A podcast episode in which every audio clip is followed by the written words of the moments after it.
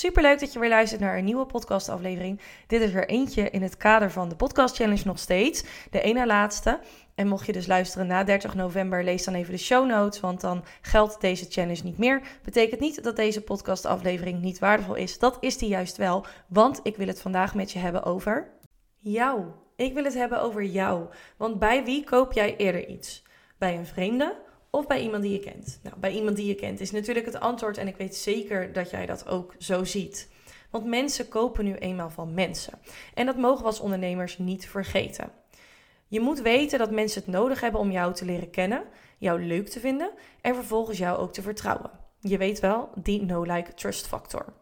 En dat gaat dus niet gebeuren wanneer jij jezelf niet laat zien, wanneer je niks over jezelf vertelt of dat kijkje achter de schermen niet geeft. Door consistent over jezelf te delen leert jouw volger, oftewel potentiële klant, jou beter kennen, waardoor hij of zij je kan vertrouwen en daardoor ook sneller overgaat tot aankoop.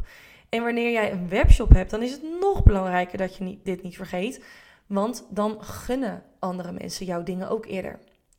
In deze podcastaflevering wil ik 15 content ideeën met jou delen die jij kunt gebruiken, zodat jouw potentiële klanten jou beter leren kennen.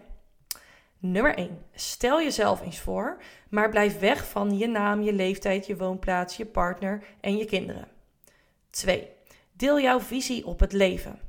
3. Deel jouw ondernemersreis. 4. Waar komt jouw passie vandaan? 5. Wat is jouw ultieme ontspanmoment? 6.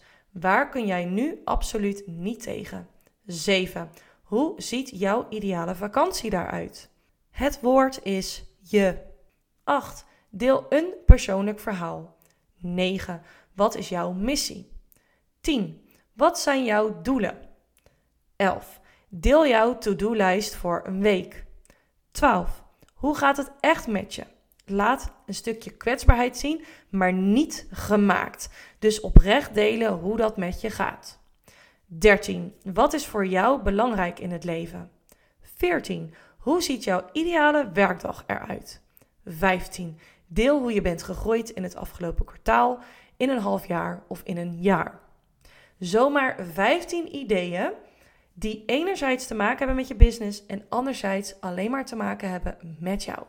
Ik wens je heel erg veel plezier met het inzetten van deze content ideeën op Instagram. Bedankt voor het luisteren. Vergeet je ook niet te abonneren op mijn podcast kanaal, zodat jij altijd op de hoogte bent van de nieuwe afleveringen.